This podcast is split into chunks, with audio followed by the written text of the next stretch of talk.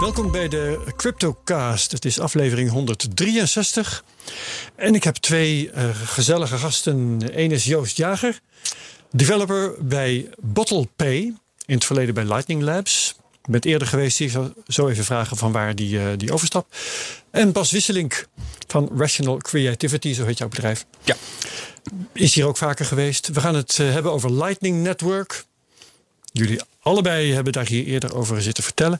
Hoe snel groeit het? Hoe worden beveiligingsproblemen opgelost? Hoe kun je met Lightning rente verdienen op je bitcoins? Dat wil iedereen wel. En hoe helpt Lightning podcasters om geld te verdienen? Ook leuk.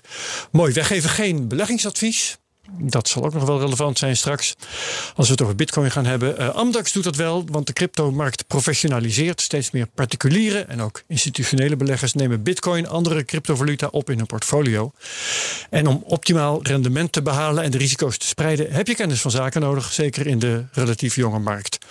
Die kennis en ervaring deelt Amdax heel graag met je. Wat een private banker in de traditionele wereld doet, dat doen de vermogensbeheerders van Amdax in het cryptodomein. Ik heb een quote te kraken, een uiting in de pers waarin de plank wordt misgeslagen. En dit keer een originele, want wat hadden we aan de hand? Uh, ik vond een publicatie, het was op uh, Cointelegraph, waarin een, melding wordt gemaakt van een redditor, zomaar iemand op Reddit, die zegt: Nou, um, Bitcoin naar nul, zeggen sommige mensen, uh, zou kunnen gebeuren, maar uh, het gaat niet gebeuren dankzij mij, zei deze redditor. Ik heb namelijk bijna 2 ton liggen. En dat betekent als de bitcoin 1 cent per stuk wordt, dan koop ik ze allemaal. Mm -hmm. Nou, dat is heel leuk. Um, volgens mij zitten daar twee denkfouten in, die bespreek ik graag met jullie. Eén uh, is, um, al lang voordat die bitcoin 1 cent waard is, gaan de naysayers die uh, voorspellen dat bitcoin naar nul gaat, die gaan claimen dat ze gelijk hebben gekregen. En met een bepaald recht natuurlijk ook. Um, ik denk dat er ergens een psychologische grens ligt waarin je zult moeten erkennen dat bitcoin in feite zijn waarde kwijt is. Stel dat dat gaat gebeuren. En volgens mij is dat rondom een dollar ongeveer. Misschien wel eerder. Wat denk, wat denk jij, Bas? Jij zit. ik denk dat, ik denk dat dat moment verschuift met hoe hoog je zit ook. Hè. Zou ook nog kunnen. In absolute getallen denken, daar, daar ben ik in dit wereldje wel een beetje vanaf gekomen. Ik denk voornamelijk in percentages. Dat dus is waar. We zitten nu op je... 60.000 ongeveer. Ik bedoel maar. Dus is het 1000, dan. Uh, ja, nee, ja, goed. Zullen men, ik denk dat op 1000 heel veel mensen nog door zullen gaan, om heel eerlijk te zijn. Maar je komt ja. in een hele andere sector terecht. Je ziet dat verschuiven met de prijs. Ja, dat klopt. Dus uh, alle banken en, en Mastercard zullen dan ongetwijfeld de hete aardappel laten vallen, vermoed ik. En maar, anderen gaan hem juist kopen. En anderen gaan hem juist kopen. Ja. Maar goed, um, wat gebeurt er, vroeg ik me vervolgens af, als deze jongen ze allemaal heeft gekocht voor 1 cent? Stel dat dat gaat gebeuren. Ja, dan is er geen markt meer. Um, of hij biedt ze aan voor 1 cent per stuk en niemand koopt ze. Dan gaat de prijs omlaag. Of, of hij raakt ze gewoon niet kwijt. Um, nou ja, of, hij, of hij biedt ze aan en iemand koopt ze wel. Maar dan stijgt de prijs niet. En dan liggen ze bij de volgende die ze niet kwijtraakt. Als één iemand alle bitcoins koopt, dan is daarmee, dan is daarmee de markt weg. Mm -hmm. Oké, okay, zijn we het over eens? Ja, dit, dit, laten, we, laten we het er ook over eens zijn dat het een hoogst theoretisch ja, model zeker, is. maar ik vond het wel een... Ja. Maar, goed, maar goed, hij kan ze aan de hoogste bieder verkopen... maar als uh, niemand ze koopt voor 1 cent, dat had hij namelijk gedaan... dan wordt die prijs lager dan een cent. Ja. En dan ben je weer een stap verder onderweg naar de nul. Ja. En dan kom je misschien nooit... De Achilles en de schildpad. Uh. Ja, dat is een mooie. Ja. Oké, okay, um, wie een, zo'n uiting tegenkomt waarin uh, onzin wordt gedebuteerd over crypto door experts of door journalisten of door wie dan ook, door economen bijvoorbeeld, die kan ze melden. Zullen we het even. Hou, hou jij überhaupt met de prijzen bezig, Joost? Uh, ik kijk naar de prijs, maar ik heb er niet echt een mening over in de zin van waar gaat het heen. Dat vermoedde ik al. Ja. Heb je de afgelopen week ergens zitten kijken naar de prijs? Ja, ik kijk wel elke dag naar de prijs, ja. Elke dag? Ja. Wat vind je van wat er deze week gebeurd is? Uh, grote piek rondom de beursgang van Coinbase? Uh, ja, ik heb daar eigenlijk niet zo'n mening over. Ik ben vooral met de techniek bezig en ik reken op uh, hyper bitcoinization op, op, op, op een bepaald moment. En dan, ja, dan doet de prijs er niet meer toe. Hè? Dat is ook waar. Ja. ja. ja. Bas, jij? Ik heb er naar gekeken. Uh, het, het, het, was een mooi voorbeeld van uh, Hè, buy the rumor, sell the news op de, op de Coinbase ding. Terwijl, terwijl, die twee helemaal niet samenhangen op die manier. Dat, dat vond ik er wel weer komisch aan. Dat geeft ook aan hoe emotioneel geladen het voornamelijk is. Of hoe, hoe tactisch het van, van, van traders is om, om hierop in te zetten. Maar het is ja, 64.000 als, als, als, als, als piekmoment is, is natuurlijk. Ik bedoel, kijk drie maanden terug. Ja. Ik bedoel, ik, ik, ik ben niet eens meer met, ik ben eh, niet eens meer met week- of maandprijzen bezig. Want de enige manier om nu, je ziet elke week zie je, oh, de prijs is duizend gedaald. Nou en? Ja.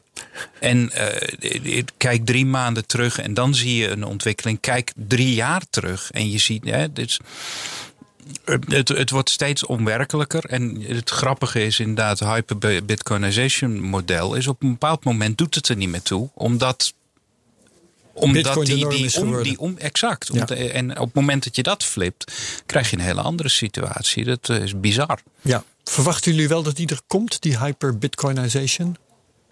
Niet op de manier waarop de meeste mensen denken dat het is. In is mijn ding. Niet, niet op de manier. Ik heb de Bitcoin nooit gezien als een vervanging van. Hm. Uh, om dezelfde reden waarom Bitcoin niet naar nul gaat, is er een goede case te maken dat, dat fiat in het algemeen niet direct zo naar nul gaan, maar dat er een, net zoals we uiteindelijk een euro ingevoerd hebben, dat er een vervanging komt. Fiats bestaan altijd en het is een model dat intuïtief oké voelt voor heel veel mensen. Zolang dat nog zo is, zullen ze ook net zoals Bitcoin blijven. Voor ons voelt Bitcoin intuïtief heel erg oké aan. Dat is ook de reden waarom het volgens mij waarde heeft überhaupt. Ja, ja, mijn... ja, Joost? Nou ja, ik denk ook, uh, stel dat fiat wel zou verdwijnen, hmm. uh, dan krijg je wel weer andere spullen die je kan kopen met bitcoin. Zoals, laten we zeggen, goud. En dan kun je gaan praten over de goud-bitcoin koers. Dus er zal altijd wel een gesprek blijven over uh, wat is die waarde uitgedrukt in iets. Ja. Ja, ja, ja. De eten gaat op dit moment trouwens net zo hard naar all-time highs. Hè? Ja. ja. Wat um, moeten we daarvan denken? Uh, het, is, uh, het heeft te maken met uh, de upgrade die trouwens vandaag, het, nee van gisteren, gisteren is uitgevoerd. woensdag zou dat gebeuren, de Berlin ja. upgrade. Waarbij de, als ik het goed heb begrepen, de transactiekosten omlaag zouden gaan. Mm -hmm. Um, ik heb eigenlijk vergeten te kijken of uh, dat allemaal naadloos is gegaan. Maar ik heb ook geen onheil voorbij zien komen. Dan mogen we vanuit gaan dat het redelijk naadloos is. Ja, want ik denk dat de meeste mensen er bovenop gesprongen waren als er ook maar iets mis was gegaan. dus zo werkt het dan ook. Ja, Jij nog naar gekeken? Uh, nee, ik heb een handen vol aan Bitcoin en Lightning. Ja, ja, ja oké. Daar gaan we het dus over hebben.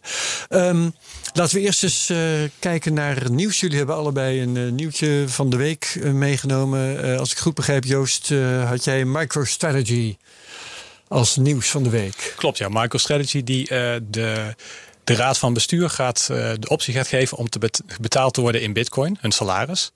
En op zich is dat niet uh, zo heel speciaal als je het zo bekijkt. Maar waarom, ik, waarom dat toch wel iets bij me deed is uh, vanwege het psychologische effect van betaald krijgen in bitcoin. Kijk, mhm. je kunt denken, ik krijg een euro's betaald. En het eerste wat ik doe als ik het ontvang is uh, naar een exchange gaan en bitcoins kopen. En dan heb ik eigenlijk hetzelfde. Ja. Maar toch is het niet hetzelfde. Want um, je weet namelijk niet wat je moet doen. Je denkt, zal ik bitcoins kopen, ja of nee? Moeilijk, moeilijk, moeilijk. En de conclusie is meestal, ja, ik doe het maar even niet.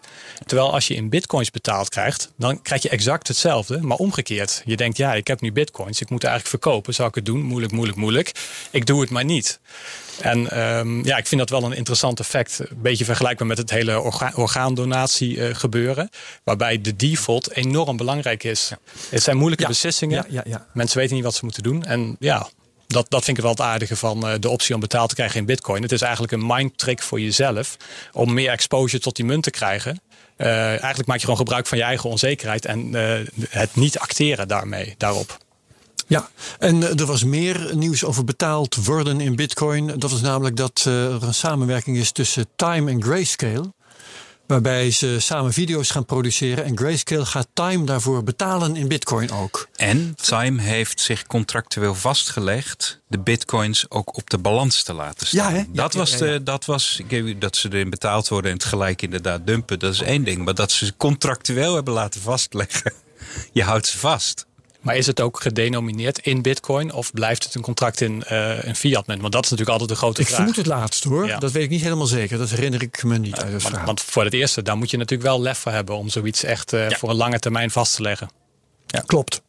Ja. Dat geldt ook voor Dus- salaris. Ja, Ja. ja. en, en ik denk dat je mag zeggen, objectief, hè, gezien het feit dat eh, je bedrijfskosten toch in dollars worden berekend en zo, zou dat een groot risico zijn. Ja. Als je het eh, eh, vastlegt, een vast eh, bedrag in bitcoin, dat je daar een klus voor doet. Ja, je weet maar nooit. Mhm. Ja, Maar oké. Het was een boeiende, klopt. Zeker, ja. Bas, eh, jouw nieuws. Mijn nieuws is eh, dat eh, er, er wat meer nieuws is over de Europese Centrale Bank en Central Bank Digital Currencies. Oké. Ze hebben daar een, een, een publieke consultatie op gedaan en gisteren is daar het rapport van uitgekomen. Dat is een 37 pagina's. Ik zou ze niet eens dik. Het is prima te lezen. Eh, over, eh, nou ja, het is een vraag eh, die, die uitgegeven is aan zowel burgers als aan professionals in de financiële sector. In de meest brede zin. Dus bankiers, maar ook mensen die in FinCEN, fintech werken. Gewoon de technologie sector. En wat daaruit komt is boeiend natuurlijk. Want het, het is een stap om te kijken wat, wat, welke kant willen ze nou uit met die eh, CBDC's.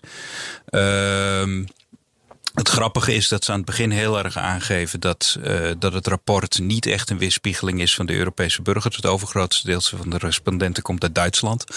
Um, en, en het overgrote gedeelte is man.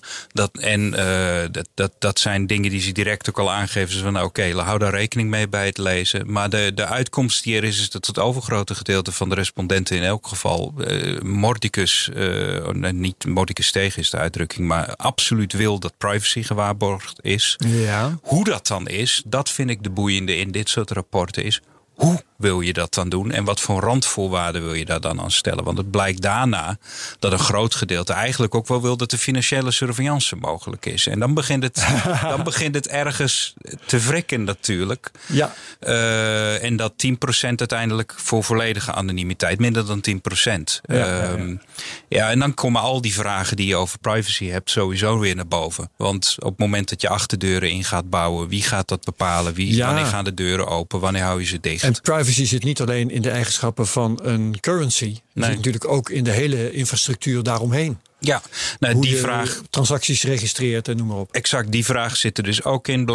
Een groot gedeelte van de respondenten wil dus blijkbaar wel intermediaries houden. Waarop het andere deel dus zegt van ja, maar als je dat dus gaat doen, dan ga je die privacy, eh dan Ja. heb je gelijk risico's. Eh, een boeiende die ik vond is cross, eh, cross-border payments. Hè, dat is ook zo Mhm. van over de grens. Het overgrote van de deel van de consumenten heeft blijkbaar aangegeven. Toppie, willen we heel graag. Het overgrote gedeelte van de professionals zegt absoluut niet. Of absoluut niet, maar onder, onder zware voorwaarden. En eh, het, is een leuke, het is een leuk rapport om door te lezen. Eh, die CBDC's hebben, nou ja, goed, ze willen die kant heel erg op. Of niet, het gaat die kant op. Maar het is op dit moment ziet het eruit alsof ze nog steeds met een doos van Pandora zitten. waarvan ze niet precies weten wat ze daar nou mee moeten. Ze willen het heel graag. Ehm, maar alle vragen die zij stellen, zijn wij nu ook eigenlijk al lang mee bezig. Op, eh, in, in, en zij proberen dat in een soort hybride stelsel te krijgen. Deels gedecentraliseerd, deels Ja. gecentraliseerd. Maar hoe dat dan moet, eh, is, is nog volledig onduidelijk. Eh, komisch is wel, wat erg leuk was. Ik geloof dat ongeveer 50% van de, van de burgerrespondenten zei: Doe maar iets als Bitcoin. Dat Doe maar bitcoin. Of zei ze dat? Doe maar, nou ja, dat is, is leuk. Er zit hier natuurlijk een vertaalslag in. Want je, ze, ze hebben deels hebben ze, hebben ze eh, antwoorden in multiple choice binnengekregen. Ja. En deel mochten mensen eh, open vragen. Eh, Open info aangeven. En die zit natuurlijk niet in het rapport. Want dan krijgen we Ja. krijgen we pot En, van en doe maar iets als bitcoin. Dat is natuurlijk heel vaag. Zo vertaalt men dat. Doe maar iets als Ja, Bitcoin, Ethereum. En dan komt er een rijtje. Ethereum. Ik geloof dat XRP er waarschijnlijk ook nog wel bij staat. Want, wat zou wel- dat betekenen? betekent dat dan, doe maar een echte cryptocurrency? Of doe maar iets dat in waarde doen, iets wat, eh, wat ehm, geen inflatie kent? Nou, exact. En dat, dat is in in zo'n zin natuurlijk heel erg vaag. Maar Ja. je, ziet heel, je ziet dus de mix van woorden als cryptografie, blockchain, bitcoin... zie je in één keer in één zo'n zin vallen.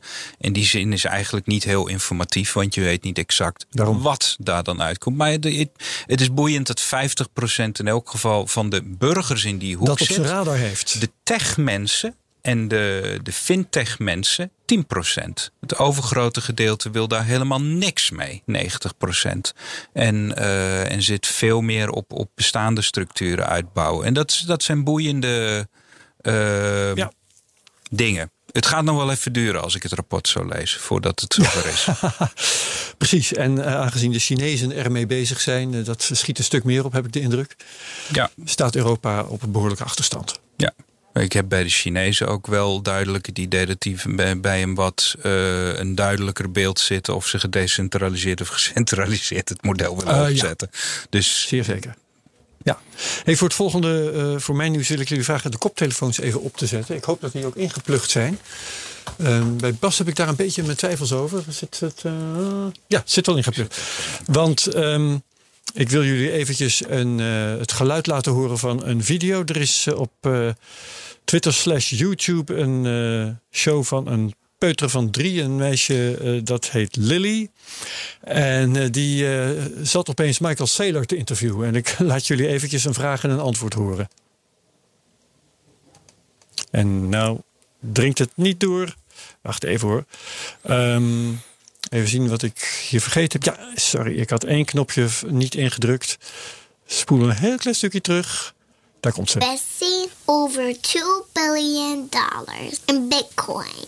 Michael, my first question is when did you first buy Bitcoin and what convinced you to buy it? Well, Lily, after March of 2020, I started having this gnawing suspicion that the money was broken and all of my treasury strategies just weren't working anymore to preserve shareholder value.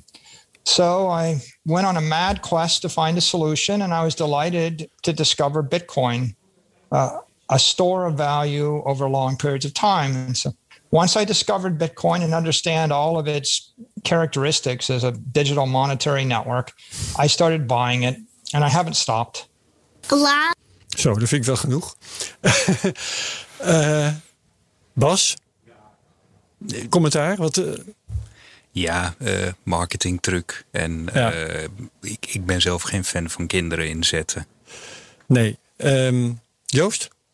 Nou, Michael Saylor in zijn algemeenheid, daar kan ik best goed naar luisteren. Hij weet heel goed hoe je, mm -hmm. hoe je het verkoopt. En, uh, ja. ja. Ik, ik, vind het een gemiste kans. Daarom wilde ik het ook, ook even laten horen. Het is op zich een heel goed model om kinderen te laten vragen naar moeilijke onderwerpen. Daarmee dwing je volwassenen om dingen duidelijk uit te leggen.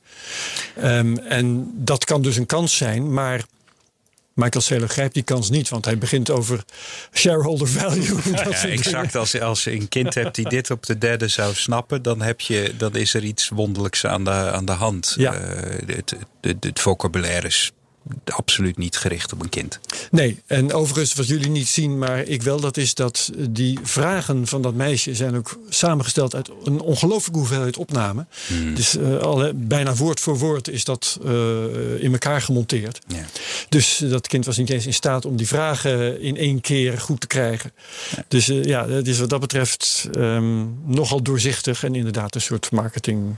Ja. Geintje. En Zowel wel... trouwens voor het videokanaal van dat meisje. Ja. Waar, want zij doet wel meer dingen die misschien beter bij de passen. Als voor uh, MicroStrategy. Er zijn wel wat leuke dingen voor kinderen gedaan. Ik weet dat een paar jaar geleden is er een kinderboek ja. uitgegeven. Uh, als, als poging om, om het idee uit te leggen. Ik bedoel, daar zijn best aardige dingen mee te doen. Maar eerlijk gezegd, weet je. Iemand van vier of vijf met uh, drie in dit geval. Met drie, vier, vijf confronteren met, met de wereldhandel en, en, en, en daar alle afwegingen. Uh, mm. ja, ja, maar goed. Oké, okay. Coinbase. Jij Coinbase gevolgd, Joost? Ja, ik moet eerlijk zeggen, nee, nee eigenlijk niet. Ja, ik heb ik het gehoord. Ik vind het heel maar... gezond. Ja. Geen waan van de dag bij jou. Ja, nee, ik heb er niet veel over te melden over, nee. uh, over Coinbase. Bas, jij? Ik heb er gisteren naar gekeken. Ja. Het, was, uh, het was boeiend. Het was leuk om te zien. Het, het, het, het, leuke is, vind, merk ik bij mezelf, is dat je juist een bepaalde afstand tot die, tot die hele aandelenhandel hebt. Omdat dat hetgeen is waar ik juist niet in zit. Dus, uh, dus dat je er naar kijkt en dat dat het spel lijkt bijna. Dus je zit er naar te kijken. Zo, nou, oké, leuk. Aardig speelgoed. En uh, je ziet die prijs stijgen. En dan denk je oké, okay, het zal allemaal wel. Uh, en daarna kelderen. Ja, weet je, uh, ik vond het leuk. Het was een leuk moment voor, voor de Bitcoin-wereld. Zeker om, omdat het ook heel erg herkenbaar is, de, de weg die ze afgelegd hebben. Ja. de, de groot gedeelte van de mensen zal in 2016, 2017 ook ingestapt zijn. Dus hij is ook geconfronteerd met de, moeilijk, met de moeilijkheden die Coinbase heeft gehad. Die, die, die ze ook heel duidelijk aangeven op Twitter op een bepaald moment. Is zo'n thread over geweest. Uh, dus het is leuk. Maar ik vind het inderdaad ook geen, geen game changer. In ieder geval niet, niet voor de mensen die met crypto bezig zijn. Wel voor de wel als signaalfunctie naar buiten. Ja, precies. Is het enorm. ja, het, het, maakt crypto toch uh, behoorlijk salonveeg. Op ik vond de reacties in de kranten vond ik leuk. Om te, vond ik eerlijk gezegd boeiender om te lezen. Er stond een artikel in het NSC op de voorpagina, geloof ik zelfs, op een bepaald moment. Uh, de, de, de, de, nou, de, FD heeft er prominent over bericht. FD heeft erover dus, bericht. Van, ja. uh, New York Times had er een, een artikel over. En het ja. is leuk. Om, ik vind het als thermometer vind ik het heel interessant iets. Hoe reageren ze? In New York Times was heel negatief alsnog. Die, die, hè, die bogen toch nog weer om ze van nou oké, okay, Coinbase is er wel, maar energieverbruik. Dat was eigenlijk oh, de insteek die ze kopen.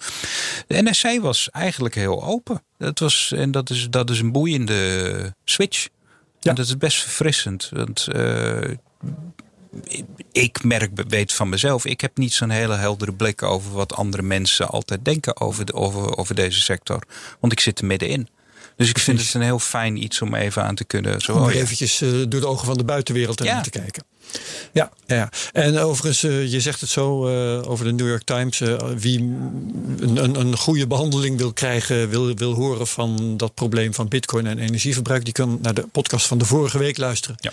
Waarin Peter Slachter daar stevig over uitpakt.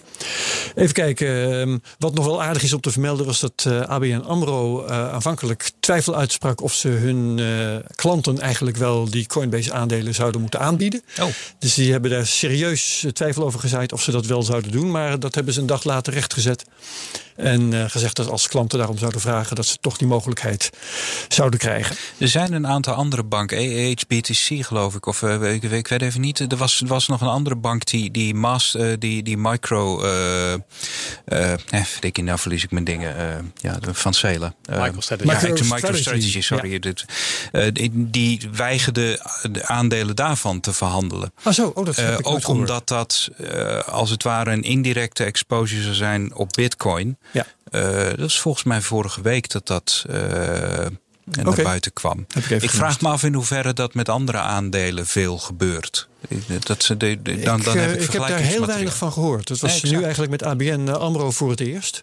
En dat spiegelde een beetje de gebeurtenissen van pak een beet. Uh, ik denk in mijn, eigen, mijn ervaring 2014 dat als je als normale consument geld dreigde te gaan overmaken naar een, een crypto broker, dat de bank dan ingreep. En dat je eerst een conversatie moest hebben met de afdeling fraudebestrijding. Die gingen uitvogelen of je wel wist wat je aan het doen was. Het is een heftig instrument om als ja. bank een aandeel dat dat ja. al gevet is en van een lopend bedrijf uh, om dat stop te zetten. Dat is echt een heftig instrument. Ja, nou dat heeft ABN AMRO dus uiteindelijk niet gedaan. Ja. Uh, dat uh, siert ze dan maar weer. Oké, okay, wil je meer crypto nieuws horen? Dan elke week hebben we bij BNR de crypto update op woensdagochtend om tien voor half tien ook te verkrijgen als podcast. Um, eens even microcashen. Iedereen weet langzamerhand wel hoe dat zo'n beetje gaat. Ik uh, cash voor de twintigste keer een procentje. Het saldo was 0,8262 bitcoin. De koers was vanmorgen 63.325 dollar. 10% hoger dan vorige week. Hoogste koers ooit bij het microcashen. De dollarwaarde was 52.317. Ook weer hoogste ooit. Ik cash 523 dollar. is iets minder Zeg ik dat? is iets meer dan vorige week volgens mij. Um, totaal cash wordt 7470 dollar. 50% meer alweer dan ik ooit heb ingelegd. En er is 0,8179 bitcoin over. Vanaf nu ga ik elke maand of elke vijf weken, dat bekijken we nog wel hier verslag van doen. Dat loopt uh, wel door. Maar uh, het wordt een beetje saai om dan elke week al die cijfertjes op te lezen. Dus we gaan dat met een wat grotere tussenpozen doen. Terwijl het uh, experiment, want dat blijft, het gewoon doorgaat. Het is namelijk veel te leuk om straks als de markt omkeert, om weer te kijken hoe dat gaat. En wat je dan eventueel kunt doen met het resultaat. Zoals bijvoorbeeld bitcoins terugkopen voor de dollars die je ooit tegen een hogere koers hebt ingewisseld. Ja. Allemaal heel interessant. De treasuries noem ik nog even. Was vorige week 6,77% van alle bitcoins in bezit van de bedrijven op de lijst van de treasuries is nu 200ste procent minder, 6,75%. Um, maar ik laat het even bij deze mededeling. Die daar meer over wil weten, die kan uh, bitcointreasuries.org zelf opslaan en gaan bestuderen. We gaan het hebben over het Lightning Network. Ja. Dat is leuk. Joost, jij werkt er met eigen handen aan. Klopt. Bas, jij houdt het gewoon in de gaten. Doe jij er verder actief? Uh, heb, je, heb je een Lightning Node draaien nog? Of ik heb nog steeds een Lightning Node. Ik heb een Casa Node met, een, uh, met Lightning uh, lopen. ik, ik ben de afgelo het afgelopen jaar niet heel erg druk mee bezig geweest. Uh, omdat, omdat ik met andere dingen bezig was. Maar ik heb hem draaien en uh, ik wil me de, als liquiditeit, uh, liquiditeitspunt wil ik hem gewoon ja. aanhouden. Ja, en Joost, jij zat, zo hebben we jou de vorige twee keer aangekondigd, bij Lightning Labs. En je zit nu bij BottlePay. Ja, klopt. bij Lightning was je developer. Wat doe je bij BottlePay? Ja, ben ik ook developer. Ja, wat maak je? nou, ik werk vooral aan de integratie van Lightning in hun, in hun systeem. BottlePay is, uh, ja, hoe zou je het omschrijven? Het is een exchange. Je kunt uh, bitcoins kopen en verkopen. Maar het gaat via een app. En je kunt uh, die, die bitcoins ook overmaken on-chain of via Lightning naar, een, naar, je, eigen, naar je eigen wallet. Um, ze hebben ook integratie met, met Twitter bijvoorbeeld. Uh, op dit moment alleen in de UK te gebruiken. Dus voor de Nederlandse luisteraar nog niet interessant. Ze willen, ze willen wel, wel uitbreiden. Um, ja, en de reden voor mij eigenlijk om over te stappen... is dat ik ook wel eens een ander perspectief wilde zien. Ik heb natuurlijk bij Lightning Labs heel erg diep in de techniek gezeten. Allerlei stukjes van hun product, product L&D gebouwd. En ja, langzamerhand bedacht ik me ook van... wat is er nu eigenlijk nodig om meer mensen aan, aan Bitcoin en Lightning te krijgen? Is het antwoord daarop om nog meer uh, technische, technische dingen toe te voegen? Nog meer uh, exotischere betaalmethoden? Um, is het misschien security dat uh, beter moet? En eigenlijk was mijn conclusie: volgens mij zijn dat nu niet de redenen waarom niet meer mensen Bitcoin en Lightning gebruiken. En het interessante wat ik dan vind aan BottlePay is dat van de ene kant is het een custodial wallet. Hè. Voor sommige mensen is dat natuurlijk een vies woord, want je moet uh, alles in eigen bezit hebben, al je eigen keys. Ja. Maar ik denk, als ik denk om realistisch te zijn en je wil het dan andere mensen buiten de scene uh, verkopen, dan moet er gewoon geen, dan moet er gewoon geen wrijving zijn. Dan kan het niet zo zijn dat je moet gaan uitleggen, je moet naar mempool.space gaan om te kijken wat de koers is uh, van de, de, de, de miner, de, de transactiemarkt en dan een kanaal gaan openen. En ja, het is allemaal gewoon te veel. En ik wil niet zeggen dat dat uiteindelijk niet mogelijk is om allemaal op een decentrale manier te doen. Maar um, op dit moment is het nog niet zo makkelijk. En ik denk dat dan een eh, custodial wallet een hele goede uh, tussenstap kan zijn. Om mensen ja. wel heel ja, frictieloos Lightning te kunnen laten betalen. Te laten voelen wat het is. Ook hun tegoeden te hebben in, in Bitcoin uiteindelijk. Um, ja, en dus te kijken van uh, wat is er uh, in die hoek uh, mogelijk. En wat, wat, wat vergt het om, om veel gebruikers te krijgen. Ja, uh, ik moet even uitleggen dat hier wat bijgeluiden. Dat zit niet in jullie. Jullie luisteraars spreek ik even aan in jullie verbinding. Er wordt, is hier gewoon een verbouwing gaande. En uh, redacteur Daniel gaat nu kijken of hij de werklieden kan bewegen om met dat boren op te houden. Nog weer andere geluiden komen, dan is het Daniel. Ja, ja, ja, ik hoorde ook al geklop en gehamer en zo. Dus nou, kijken of we, dat, uh, of we daar vanaf kunnen komen. En intussen gaan we gewoon door. Dankjewel voor je uitleg over Bottlebay, uh, Joost. Mm, maar jij zegt dus inderdaad, de gebruiksvriendelijkheid is eigenlijk waar het op dit moment vooral om gaat. Om mensen makkelijk met bitcoin te laten werken. Nou, ik denk, kijk, er zijn natuurlijk allerlei redenen waarom mensen geen bitcoin gebruiken. Waarom de gewone, de gewone mensen op straat uh, geen Risico's, bitcoin volatiliteit, bla, bla, bla. Ja, euro's werkt toch ook allemaal prima en zo. Ja, dus ja, ik denk van, uh, je moet in ieder geval alle dingen die pijn doen op een bepaalde manier in ieder geval wegnemen. En of het dan gebruikt wordt, dat is nog steeds maar de vraag natuurlijk. Hè. Stel je voor dat het ja. net zo makkelijk is als uh, pinnen. Dan kan het nog steeds dat niet gebruikt wordt. Omdat met pinnen, pinnen is perfect. Dus waarom zouden we iets anders doen? Ja, dus, uh, maar ik denk, ja, zolang er nog hobbels zijn, die moet je eerst glad strijken. En hopelijk komt er vervolgens een, uh, laten we zeggen, een bepaalde use case die niet mogelijk is met de pinpas. Uh, en wat uiteindelijk uh, mensen echt uh, over de streep gaat trekken. Dus van, aan de ene kant geen frictie en aan de andere kant iets extra's. En als je beide dingen hebt, dan denk ik dat je een goede kans hebt om echt een grote hoeveelheden gebruikers het systeem in te trekken. Ja, Laten we eens gaan kijken naar de groei van het Lightning Network. Ik heb uh, uh, voor me genomen uh, Lightning Network, sorry, bitcoinvisuals.com slash lightning. Dat zijn allemaal van die grafieken van aantal nodes, aantal channels. Ken jij cijfers uit je hoofd, Bas? Nee, nee. Oh, dan, ga ik, dan ga ik ze even oplezen. wat heb ik hier? Er zijn op dit moment 10.500 publieke nodes. Um, is dat veel? Wat zeggen jullie daarvan? Eh, bij deze haal ik inderdaad wel eerst, want die, deze weet ik wel dat Elizabeth Stark hier ook direct op gereageerd heeft. Op, want dit kwam ook een paar weken geleden uit, dat mhm. er meer dan 10.000 waren. Ja. Publieke, inderdaad. Er zijn natuurlijk ook meer dan voldoende, net zoals bij Bitcoin, uh, meer dan voldoende niet zichtbare. Uh, ja, want weet... wereldwijd vind ik het geen heel erg indrukwekkend cijfer. Zou ik nee. eerder denken van eigenlijk miljoenen willen of zo. Of is dat overdreven? Nou, de vraag is of het nou heel relevant is eigenlijk. Zeg maar. Als je twee nodes hebt en die doen een miljoen transacties per seconde ja. met elkaar. Het ziet er niet indrukwekkend uit, maar het is het wel. Absolute getallen zijn hier altijd uh, misleidend. En het stukje wat echt interessant is, laten we zeggen, de hoeveelheid geld die in zijn totaliteit heen en weer wordt verplaatst op dat Lightning-netwerk, dat is juist een stukje wat niet inzichtelijk is. Dus ja, het blijft gewoon heel moeilijk om daar een maat aan te ja, nemen. Ja, precies, want, want wat is wel inzichtelijk hoeveel bitcoin er in het netwerk zit opgesloten? Ja, alleen de, publieke kanalen dan. Ja, oké. Dat is 1200 bitcoin, zeg ik. Dat, oh, en dat is. Uh, kijk hoor, dat is 250 meer dan vorig jaar. Vorig jaar was het, was het 950, vorig jaar om deze tijd. Mm -hmm. dan zeg ik, in dit plaats is het vrij weinig. Want wat is de. Nou, hoewel, uh, met de huidige Bitcoin-koers is natuurlijk een ontzettende hoop geld.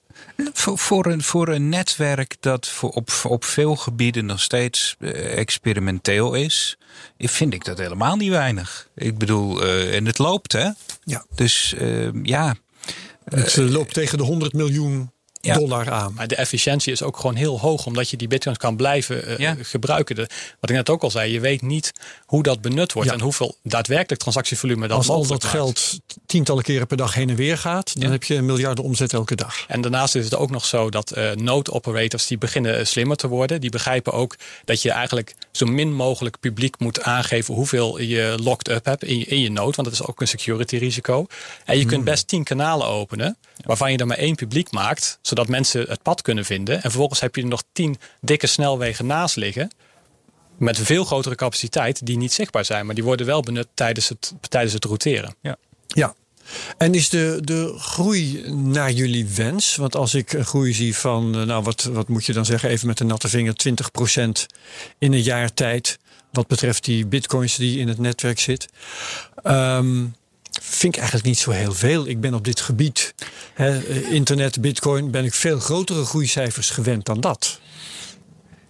Ik denk dus dat het weinig zegt, dat getal. ook alweer. Ja, er kan, er, kan veel meer groei zijn, plus het kan veel beter benut worden. De groei kan, kan 10.000 procent zijn van Lightning. Maar ja, je ziet het niet aan dat nummer. Nee. En ik, vind, ik heb zelf vergelijkingen met iets anders. Van het een met iets anders vind ik, vind ik een, een, een, niet correct. Het is constant die, die uh, zo van ja, maar het internet dit, dit. Ja, prima, laat het internet dat gedaan hebben. Betekent niet dat elke technologie zich op die manier zou moeten. Zeker eh, zelfs als ze die 20% nemen. Het, het vereist nogal, dat merken we bij Bitcoin ook. Het vereist nogal een klik voordat er ergens een kwartje valt, heet dit is nuttig. Ik vond het dit jaar vond ik het heel erg leuk dat uh, Kaminski van, van de Financial Times, uh, zij, zij is een van de grootste, is een schrijfster die een van de grootste Bitcoin-criticasters geweest is, elf jaar lang. En uh, voor, eind vorig jaar was dat, midden zeg maar COVID-golf. Mhm. Toen in één keer overal geld bijgedrukt werd en, en de, de knop werd gewoon maar ingedrukt en hoppakee. Dat zij zei, er is een nut. Al was het alleen maar mocht het instorten. Ze zei niet dat het instort. En het was grappig dat zij in één keer het voorbeeld aanhaalde wat al die bitcoin. Ja. Is dat niet, die, wie jij bedoelt, is dat niet Jemima Kelly? Uh, nee, het is, nee, het is haar collega Isabella okay. uh, Kaminska. Dus er zijn er meer van dit soort. En zij, was, zij is echt de aller.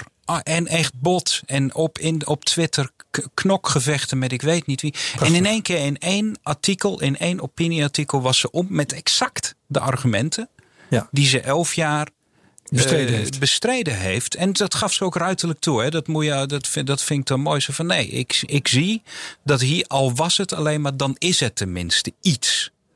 Nou, dat is nogal een klap. Ja. En heel veel dingen die je niet ziet omdat ze er nog niet zijn en omdat ze in je wereldbeeld niet voorkomen dat het überhaupt zou kunnen gebeuren of dat het nuttig is. Ja, dan, dan als je die niet hebt, dan is Bitcoin inderdaad een onzinpropositie. Maar als je ze wel hebt, is het in één keer super nuttig. En dat Ja. duurt een tijd. Ik denk eerlijk gezegd, ja, wat, wat jij met frictie. Ik moest in één keer denken toen je het had over ik haal frictie weg. Ik zag gisteren in verband met Coinbase de eerste pitch van, van Coinbase bij Y Combinator ook, ook langskomen. En die ging letterlijk hier ook om. Die zeiden ook zo van ja, die, die, die custodial, eh, dat is zoals we het nu doen. Want wij willen mensen onboorden. We willen ze in ieder geval dat hebben. En daarna zien we de volgende Oké, stap dus wel. dat is het document waarmee ze hun bedrijf zijn begonnen. Ja, eh, dat is letterlijk, te ook, hun, bij- was letterlijk ook hun visie. Eh, die- die- Ja. die- niet, niet het beeld van wij doen zoals Bitcoin bedoeld is. Misschien dat ze dat eh, ooit wel als reclame gebruikt hebben. Maar voornamelijk, we willen mensen onboorden, want anders gebeurt het nooit. Mhm. Ja, mee eens. Ja. En de vraag is ook, eh, kan, kan iedereen eh, op de blockchain actief zijn? Hè? Er zijn zoveel mensen op de aarde, er is zoveel chain Ja. space. Eh, misschien blijft er altijd een rol voor eh, custodial providers. Zij het, het gaat dan om kleine bedragen of lopende rekeningen of dergelijke. Ja. Ja, de- uiteindelijk loop je toch weer tegen limieten aan, ook met Lightning. Ja, Nee, daar heb je, ik, ik las je artikel eh, da- daar ook over. over eh, dat, dat, dat was het artikel over de streaming. met ja. de beperkingen waar. Hè, de, de vijf, deze kwam rond de ve- maximaal rond de 35 eh, transacties per seconde, geloof ik, dan uit. Ja, Artikel van Joost. Ja, dat Ja. klopt. Ja, we hebben dus eh, met BottlePay onderzoek gedaan naar ehm, niet zozeer de theoretische haal- eh, maximale snelheid van Nee. het Lightning Network, maar meer als je nu Node software installeert zoals die nu verkrijgbaar is, wanneer, wat voor grenzen loop je dan aan qua disk en qua CPU eh, gebruik? En ja, die getallen waren niet heel erg hoog, zeg maar. Ook bijvoorbeeld niet echt hoog genoeg om zoiets als geld streamen per minuut naar een podcaster, om dat, om dat mogelijk te maken. Nee. Ehm, maar dat neemt niet weg dat er heel veel optimalisatie daar nog, Mhm. eh, daar nog mogelijk is.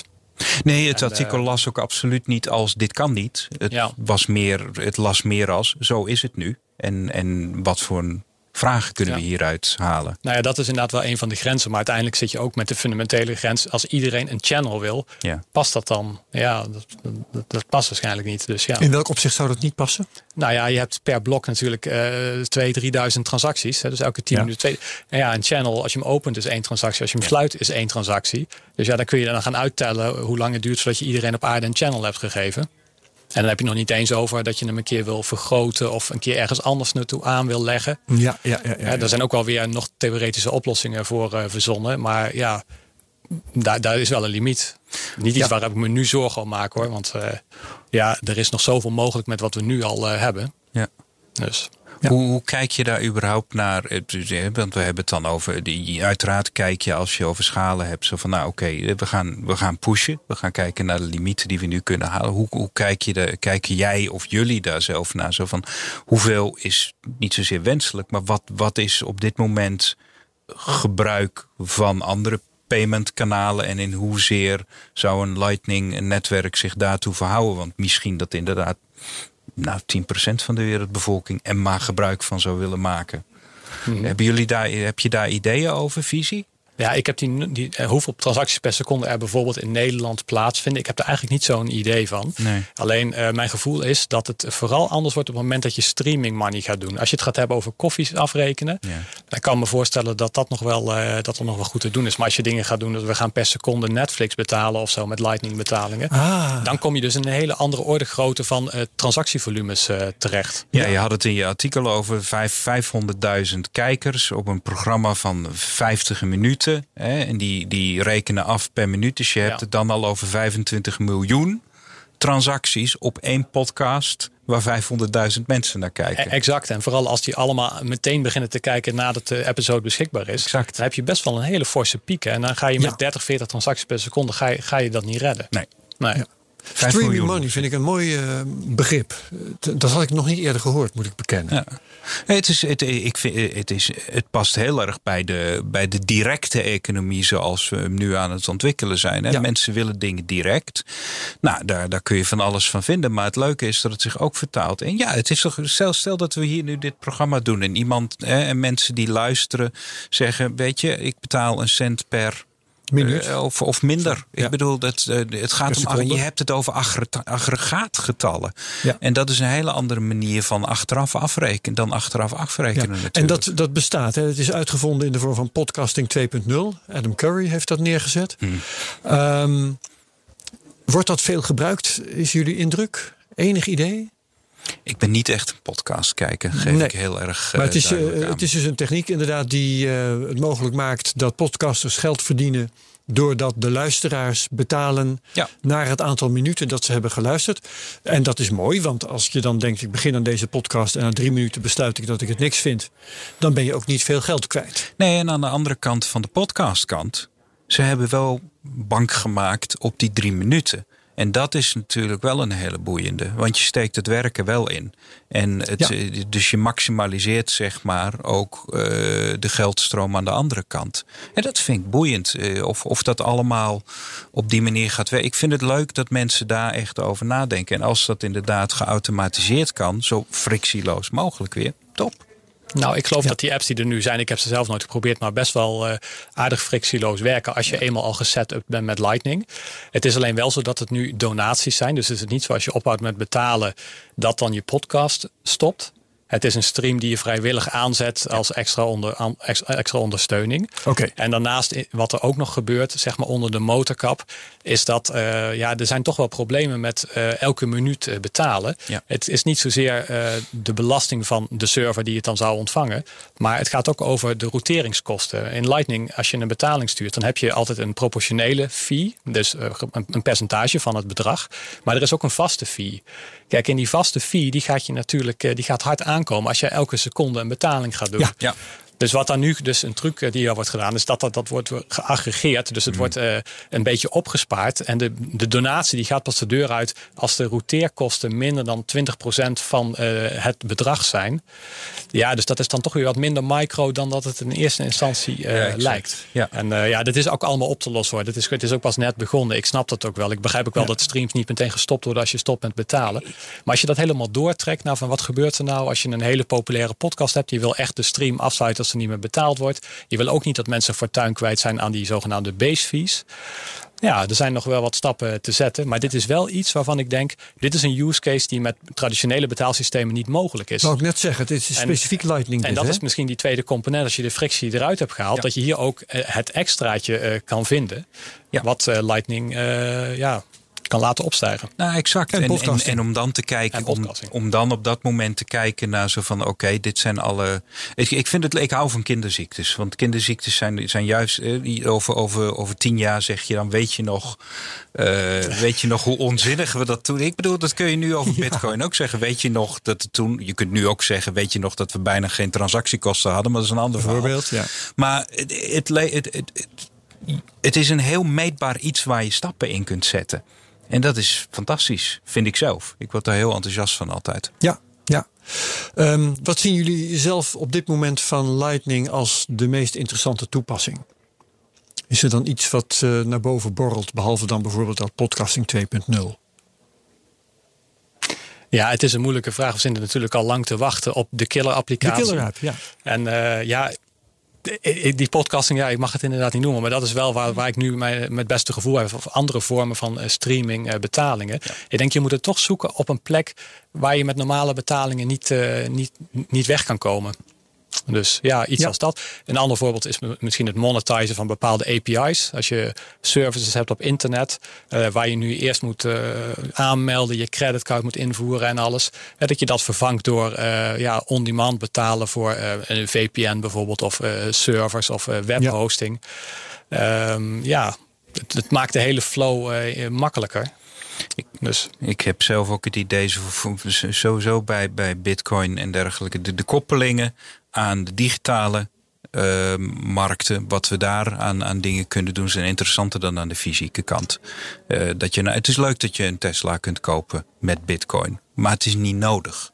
Nee. En dus zal het op die manier ook niet, wat denk ik dan, ook niet opgepakt worden. Dan is het een novelty. Ja, en novelty waarde is prima. Het is heel fijn om met gimmick, maar om, om echt te kijken. Uh, digitale toepassingen hebben digitale, hebben digitale uh, extra's. En uh, als je ook bijvoorbeeld naar NFT's en dergelijke kijkt, om die kant uit te gaan. Uh, NFT's gekoppeld aan fysieke objecten. Sorry, maar die, die, die, die kun je nooit echt aan elkaar koppelen. Die NFT's gekoppeld aan digitale objecten. Dan, dan zou je eventueel boeiendere dingen aan kunnen doen. Want die kun je echt aan elkaar koppelen. Ehm, ik zou het ook die kant uitzoeken. Gewoon de native digitale toepassingen en geld. Ja. Uh, of natuurlijk, het kan ook een scenario zijn dat iedereen gaat sparen in bitcoin. En dat men dan vooral tot de conclusie komt: het is toch wel heel onhandig dat ik altijd bitcoins moet verkopen voordat ik naar de supermarkt toe kan. Ja, ja en dan komt vanzelf dat idee van: kunnen we bij de supermarkt nou niet uh, dan met Lightning uh, gaan afrekenen? Want dan is dat weer de frictie. Dan is het pinnen niet het probleem, maar meer: ik moet elke keer celorders doen voordat ik eten kan halen. Ja, ja. ja. Dus.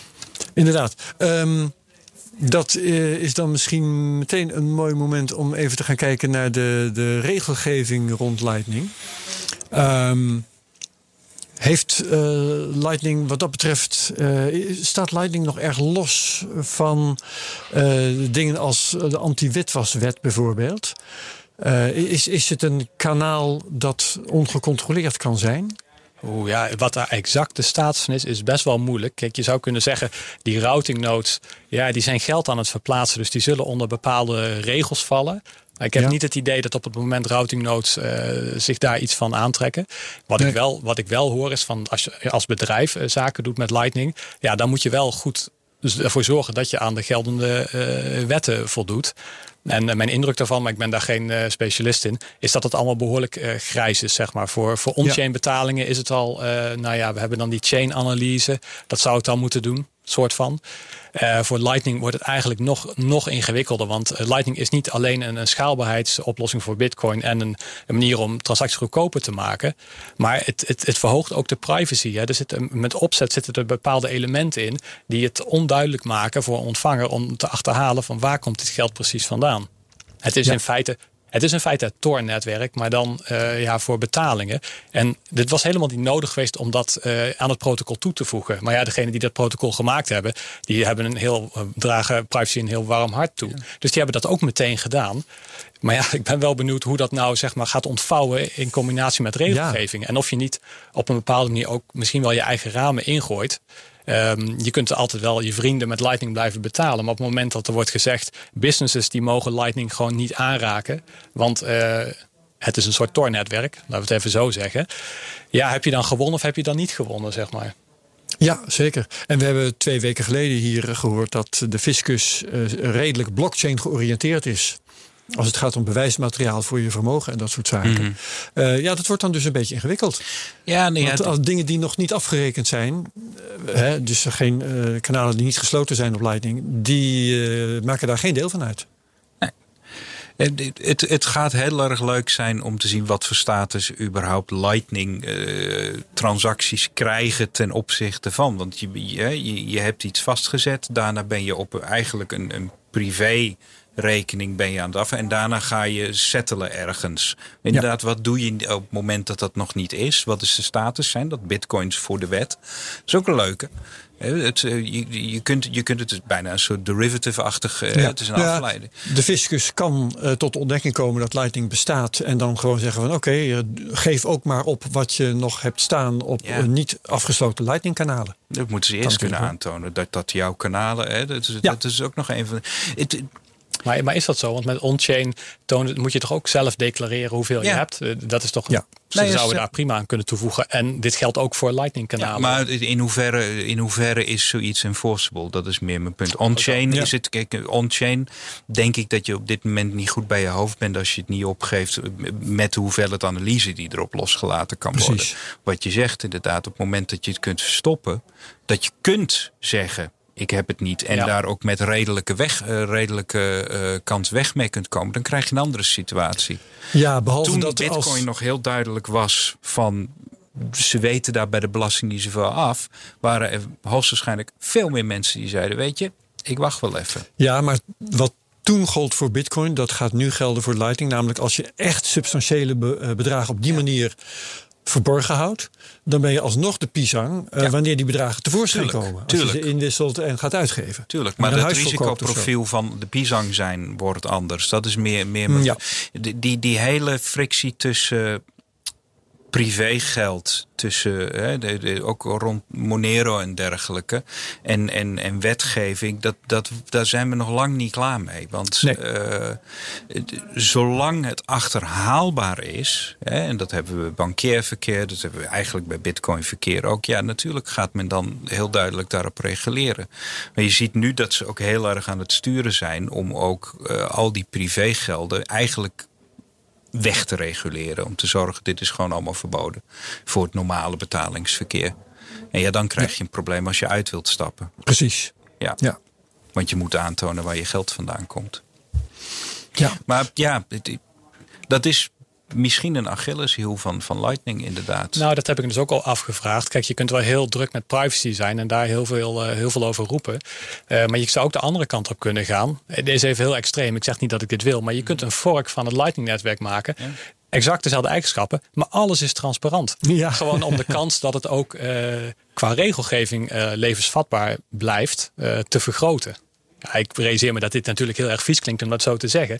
Maar uiteindelijk is, is zo'n dynamiek wel aanwezig. Ja. Dingen die te vaag zijn, die mogen niet. Dus ja. Ja, nee, de, vandaar dat ik ook zeg, die, die, die, die strijd, die, die discussie ook, is nog lang niet. Je ziet hem ook in dat stuk van de ECB rond die, uh, rond die uh, digital currencies terugkomen.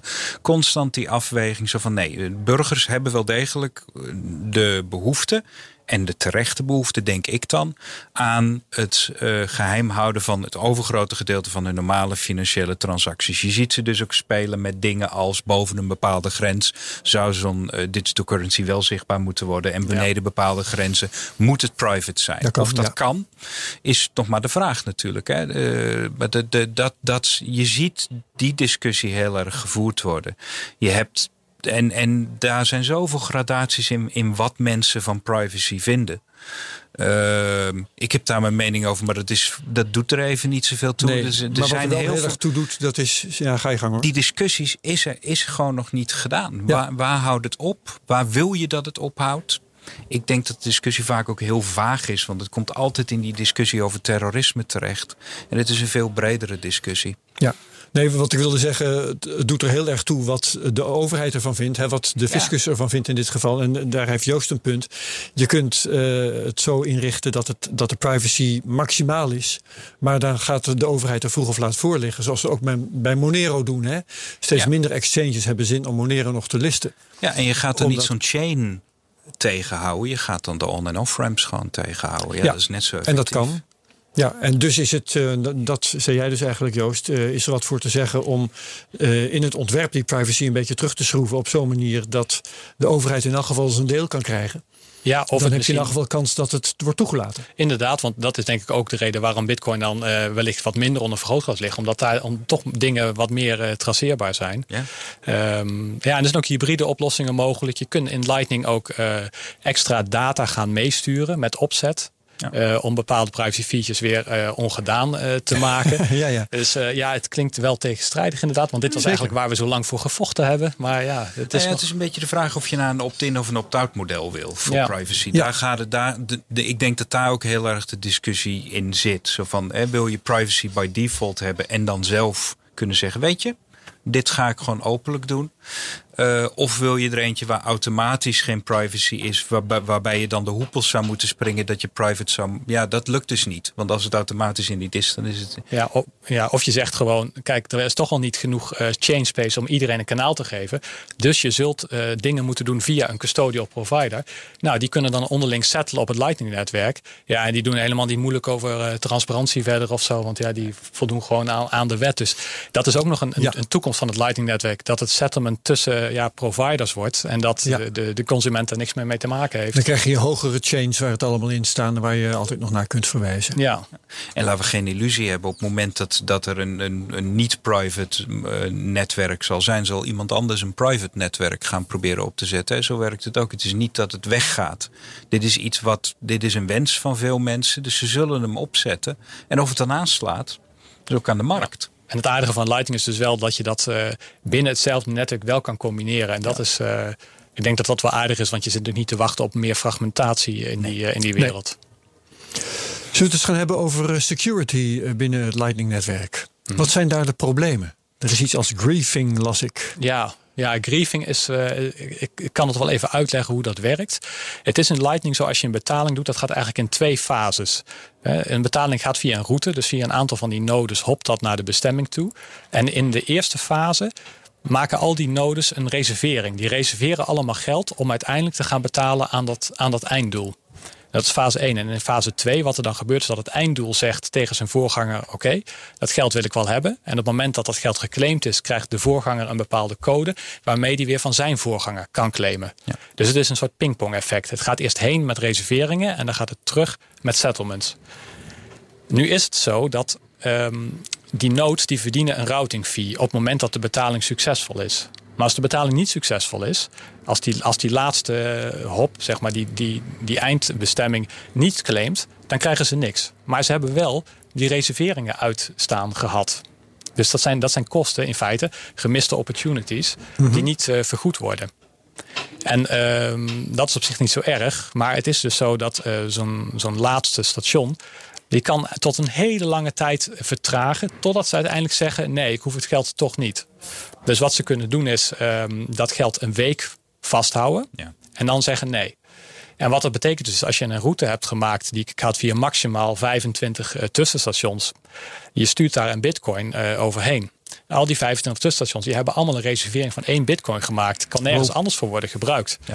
En uiteindelijk uh, staat het geld een week vast. En daarna is het helaas en dan komt die bitcoin wel weer vrij. Eh, maar ja, dat is, zijn kosten die worden nergens uh, gedekt. En erger nog, uh, als je dit dus vaak doet, dan kun je zelfs bepaalde kanalen buiten bedrijf maken eigenlijk. Ja. Want zo'n kanaal dat kan, heeft maar een beperkte capaciteit. En als dat allemaal opgaat in reserveringen, nou, dan is dat, dat kanaal dus ja, niet beschikbaar voor die week. En als jij ook een, eh, een routing node hebt en je hebt een, uh, een bypass in feite voor het kanaal wat eigenlijk nu geblokkeerd is, uh, ja, dan kun je dat uh, verkeer gaan, gaan opvangen en dan tegen een, tegen een andere fee gaan doorsturen naar toch weer een eindbestemming. Ja. Ja, ik vind dat heel gevaarlijk. Als ik daar zo aan denk. Kijk, het gebeurt op dit moment niet. Iedereen houdt het leuk op het Lightning-netwerk nu. Maar het is wel een kwetsbaarheid die er gewoon ligt. En um, die kan worden geëxploiteerd. En daar is ook weinig tegen te doen op, uh, op dit moment. Dus ja, dat is wel iets waar ik me al wel een tijd uh, zorgen over maak. Ja, dus wat iemand zou kunnen doen is, is of, of zeg maar, uh, eigenlijk houdt hij een, een, een, een, een, reeks payment channels hostage. Hè? Die, die, die, die gijzelt ze. Ja. En dus, en, en, en zou dus eventueel een, een rivaliserende channel aan kunnen zetten waarin hij een premium voor de routing ja, als jij bijvoorbeeld een exchange neemt en jij gaat uh, heel getarget al die kanalen van die exchange allemaal blokkeren op deze manier. Ja. Um, het is ook zo dat je daar relatief weinig eigen geld voor nodig hebt om dat te kunnen doen. Er zit een enorme multiplier uh, zit erop. Ja. Mhm. En dan vervolgens maak je één kanaal met je exchange wat van jezelf wat open is. Ja, dan gaan alle withdraws die gaan allemaal via jouw kanaal. En dan, dan kun jij die, die fees vangen. Maar wat wonderlijk dat er zo'n uh, gapend gat ligt en niemand maakt daar nog misbruik van. Ja, dat is, verbaast mij eigenlijk ook wel. Dat is, ja, Waarschijnlijk zijn ik er wil gewoon... niemand op een idee Nee, ik, brengen. ik zit nu ook te laten we nu de kanalen in de gaten. Nou ja, er zijn waarschijnlijk- alvast. Er- Er zijn waarschijnlijk toch, eh, ja, laten we zeggen, makkelijkere manieren om eh, rijk te worden. Misschien Oh ja. eh, de Ledger database nog een keer langs gaan of zo. Misschien dat dat meer oplevert. Het kost te Eh, veel moeite, dat kan natuurlijk. Ja, Per maar- verdiende dollar. Ja, maar ja, goed, het is ook wel, kijk, op het moment dat eh, die routingmarkt meer competitief wordt, eh, dan zou je ook kunnen zeggen van ja, misschien eh, is dit eigenlijk wel gewoon toegestaan. Ik bedoel, je kunt dat nauwelijks een hack noemen. Hè. Ik bedoel, ik stuur een betaling en ja, de ontvanger die denkt er even over na of hij dat geld wil hebben. Daar zijn zelfs valide use cases voor. Het kan een webshop zijn die bijvoorbeeld zijn voorraad wil checken alvorens het geld te accepteren. Ja. Ehm, dus ja, je kunt ook zeggen van nou, laten we hier niet panisch over doen. Ga dat lekker allemaal proberen en kijken of je dan meer traffic naar je nood kan toetrekken. En dan ja, als het eenmaal zover is, dan zullen we dan wel weer een oplossing hiervoor moeten eh, Ja. verzinnen. Ja. Het is niet alleen maar een hack eigenlijk op die manier. Het is, eh, Nee, het is, een, het is misbruik maken van de bestaande regels. Het is een loophole in het, in het systeem in die zin. ja, die Eh, incentives die kloppen inderdaad niet helemaal voor routing nodes op dit eh, gebied. En daar kan je dus nu ook gebruik van maken. ja. Ja, maar er is blijkbaar ook geen eenvoudige manier om dat dicht te timmeren. Nee, daar is al, al jaren, dit is al een heel oud probleem, daar is al jaren over eh, gebrainstormd. En Ja. ja. ja, er liggen nu wel aardige voorstellen, vind ik zelf.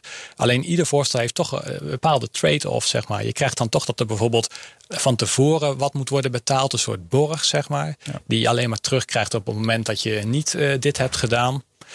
Ja, eh, dat, is, dat blijft een moeilijke discussie. En uiteindelijk, eh, de, ba- de basis hiervan is, het gebeurt nog niet.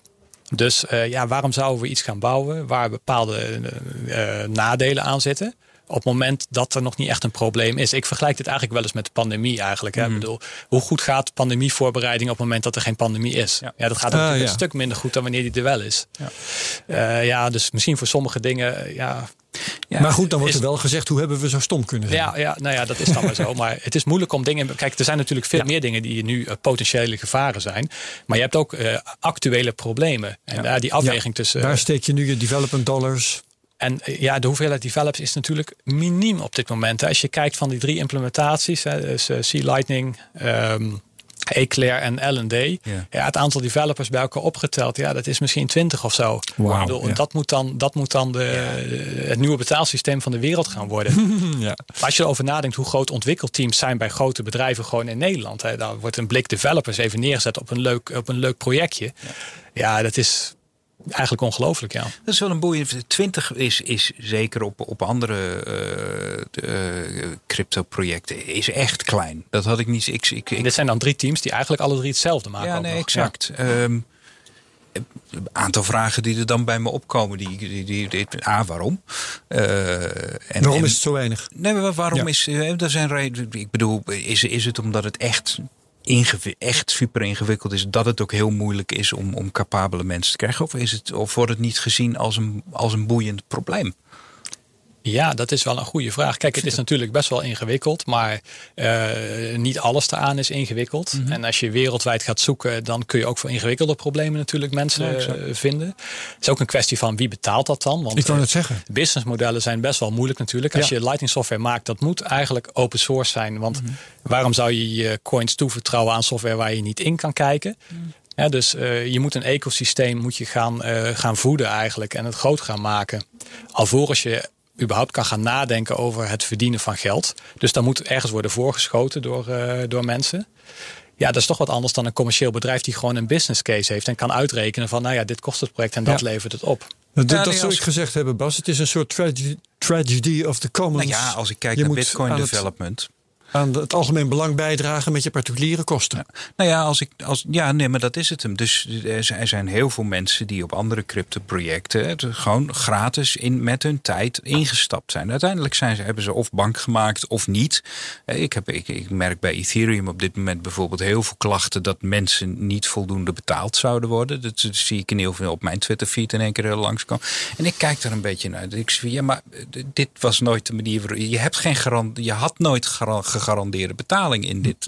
Hè, dat, daar zat ook een deel expertiseontwikkeling in die dan doorverkopen in bijvoorbeeld. Ja, ja, ja. Dat, dat verbaast me een beetje. Dus als ik nou, nou, als je zou zeggen tegen iemand zo van oké, eh, met jouw werk kun je toe, dan, dan kun je jezelf Bitcoin Core Developer noemen. Dan springen de mensen springen voor de trein als het ware. Zo, oh, dat wil ik, dat wil ik gezegd kunnen hebben.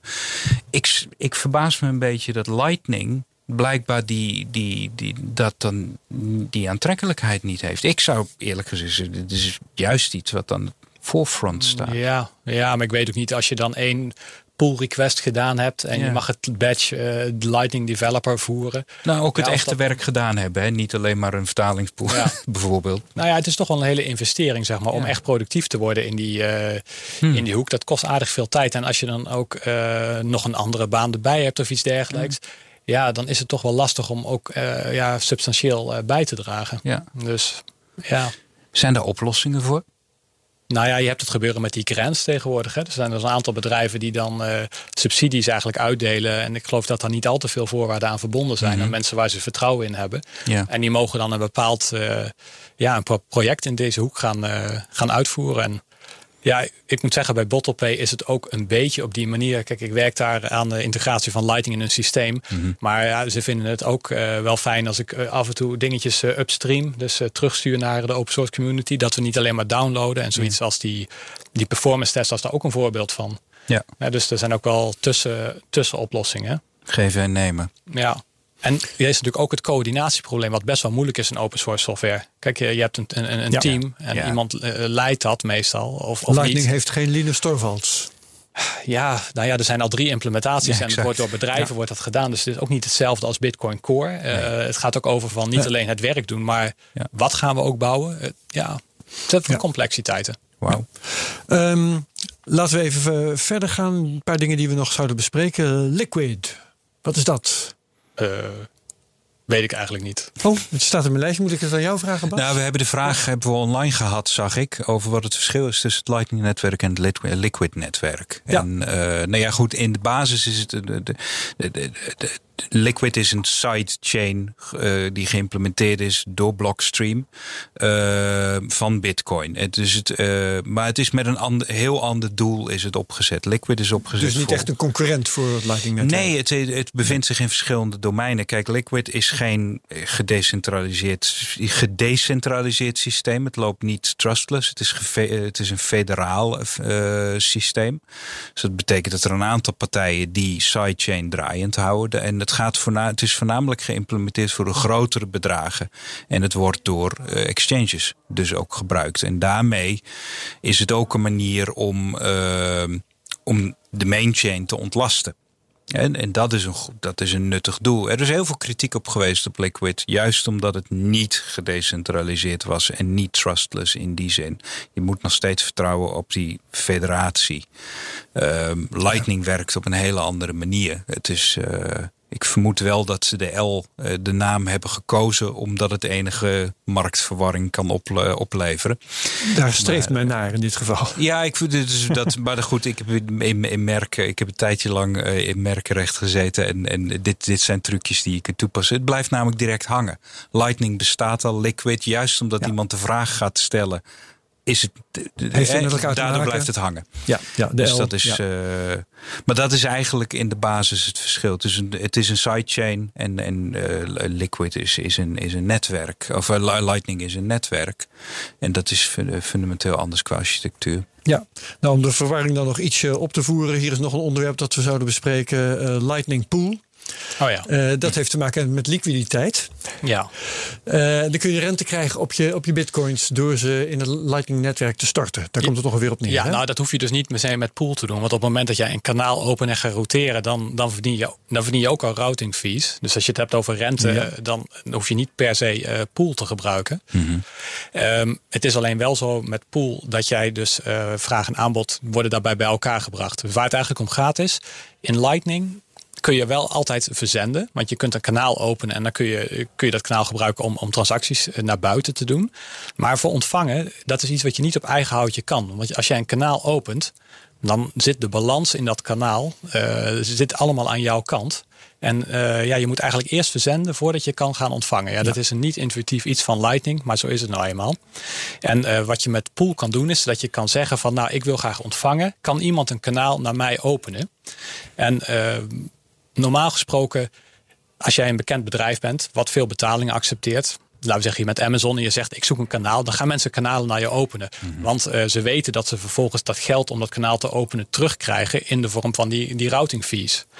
Op het moment dat niemand jou kent en je wil geld gaan ontvangen, ja, dan wordt het dus lastig. En met Lightning Pool is het zo dat je dus eigenlijk geld kan betalen om iemand zover te krijgen om een kanaal naar jou te openen. Ja, wat is het je waard? Ja, en als jij dus eh, degene bent die dat kanaal levert, dan krijg je dus eerst geld betaald omdat je het kanaal geopend hebt. En vervolgens krijg je hopelijk ook nog geld betaald omdat er uh, verkeer door dat kanaal gaat lopen, waar je dus weer uh, ja, voor betaald krijgt. Ja. Had ik nog een vraag over, over deze inderdaad. Want het, uh, het, de originele paper over Lightning sprak altijd van bidirectionele kanalen. Hè? Kanalen die twee kanten op konden werken. Ja. Nou, dus ik heb gekeken, de laatste keer dat we het hier over gehad hebben was 2018. Toen was dat een van de dingen waarvan ze ook zeiden, dat, dat, dat, dat is de, daar zijn we mee aan het werk. Het is er dus niet. Het, het, is er wel. Nee, ze, kunnen, ze kunnen zeker wel uh, twee kanten op gaan. Ja. Het enige waar jij misschien op doelt gaat over dual funding. Ja. En dat is eigenlijk dat je een. Ja, exact. Uh, ja, dus dat je een kanaal opent uh, waarbij beide partijen initieel iets in dat kanaal storten. Ja. Zodat je meteen verkeer twee kanten op kan laten gaan. En dat is inderdaad volgens mij door Sea Lighting nu als experimentele feature okay. uitgegeven. Alleen het probleem wordt daar niet echt anders door natuurlijk. Want ja, je kunt dan wel zeggen, nou zullen we een, een, een dual funded kanaal openen. Maar dan zal de tegenpartij nog steeds zich afvragen: ja, wat ga ik daaraan uh, overhouden als we dat, uh, ja. als we dat doen? Nou, het is, het, is, het is meer dat ik de vraag, de vraag stelde omdat, omdat er een aantal dingen in die eerste paper zaten die daarna technisch veel moeilijker bleken dan in de paper. Mm. En dat hoort ook. Dat, dat, is, dat is allemaal prima. Ik was gewoon benieuwd van oké, okay, hebben ze daar stappen in gezet of zijn ze er gewoon tegenop gelopen? Die kan dus niet, hè, want dat, daar kun je ook achter komen. Ja. Of dit introduceert zoveel zwak, uh, zo, ja. zoveel aanvalsmogelijkheden, dat moeten we gewoon niet willen. Dat is leuk bedacht. Maar mooi, leuk dat Sea Lightning daar dus, dus wel een, een, een uh, experiment mee, mm. mee bezig is. Ga en dan ben ik nog benieuwd. Um, gewoon even om een, uh, een, ruw idee te krijgen. Als je je bitcoins op deze manier beschikbaar maakt hè, uh, en uit bent op een soort rente. Wat kun je dan ongeveer vangen? Ja, ik geloof Alex Bosworth, die doet tweets waarbij hij rapporteert een beetje wat zijn, uh, zijn omzet is mm -hmm. uh, met, zijn, met zijn routing node. Ja.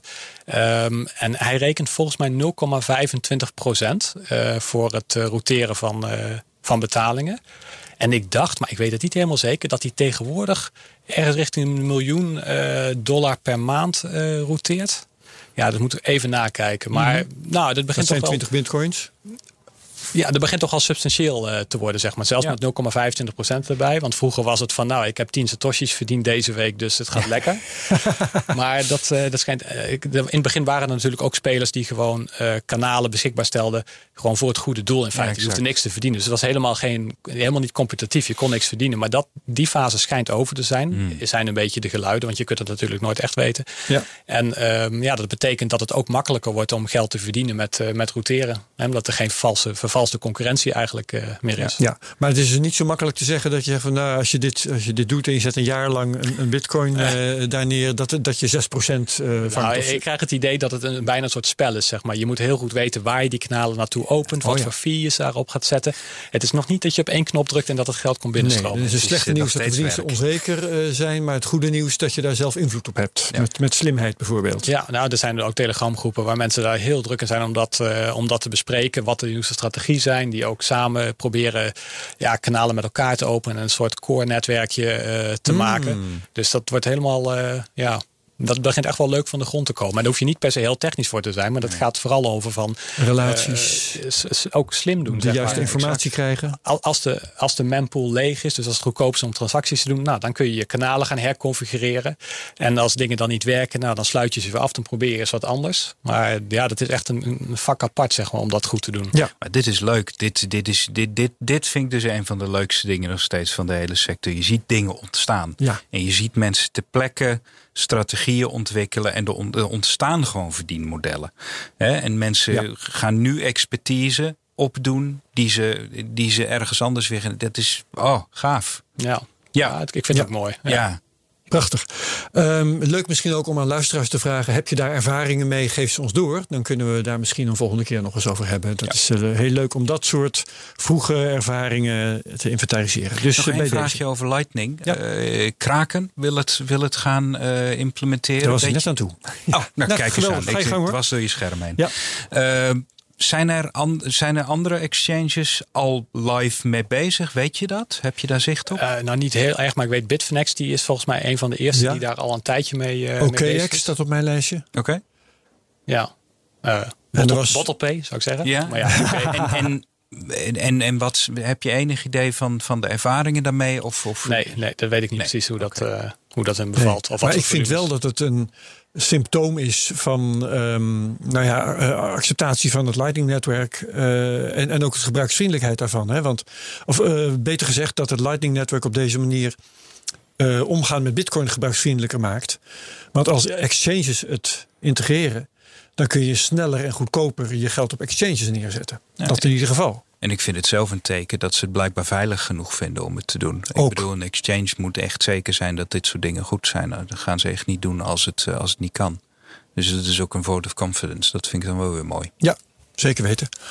Ja. Um, het is wel de vraag of Lightning wel zo goed gaat werken voor grote uh, bedragen. Want als je een hele bitcoin gaat kopen oh ja. en je zegt geeft u mij aan mij via Lightning. Ja. dat wordt niet super handig zeg maar. Want dan moet je eerst een kanaal hebben waar je op een hele bitcoin kan ontvangen en zo. Dus wat de use case precies is, vraag ik mij nog wel eens af. Kraken gaat het heel beperkt invoeren, heb ik vanochtend nog even nagelezen. Lage Alleen lage bedragen uitcashen. Dat, dat moet je je natuurlijk realiseren. Dat Lightning juist uh, heel weinig geschikt is voor grote bedragen. Nou ja, ja, kijk, een kanaal open en sluiten dat is duurder dan gewoon een transactie doen. Dus ja. Ja. Oké, dat is helder. Uh, ik vraag jullie even voor de zekerheid. Iets uh, niet besproken wat je nog graag had willen bespreken vandaag? Nee? Even kijken. Bas, kijk even. Dan zal ik vast. Nee, het, nee er is altijd wel iets te bespreken, ja. maar het is goed. Het is mooi geweest. Goed, um, dan dank ik jullie hartelijk. Joost Jager en Bas Wisselink. Alsjeblieft. Uh, tot de volgende keer. De CryptoCast van de volgende week kun je alvast in je agenda zetten. Want dan gaat het over Bitcoin Wiki. Beter gezegd btcwiki.nl met Marnik Schorel en Krijn Soeterman. Uh, journalist, onder andere op het gebied van crypto als co-host. Als je deze aflevering leuk vond, deel hem dan met je volgers op Twitter met de mention at CryptoCast.nl. Laat reviews achter op Apple Podcasts. Like, subscribe en comment op YouTube. Dank u wel. Uh, heel erg bedankt iedereen voor het luisteren. En tot volgende week bij de CryptoCast. Dag allemaal.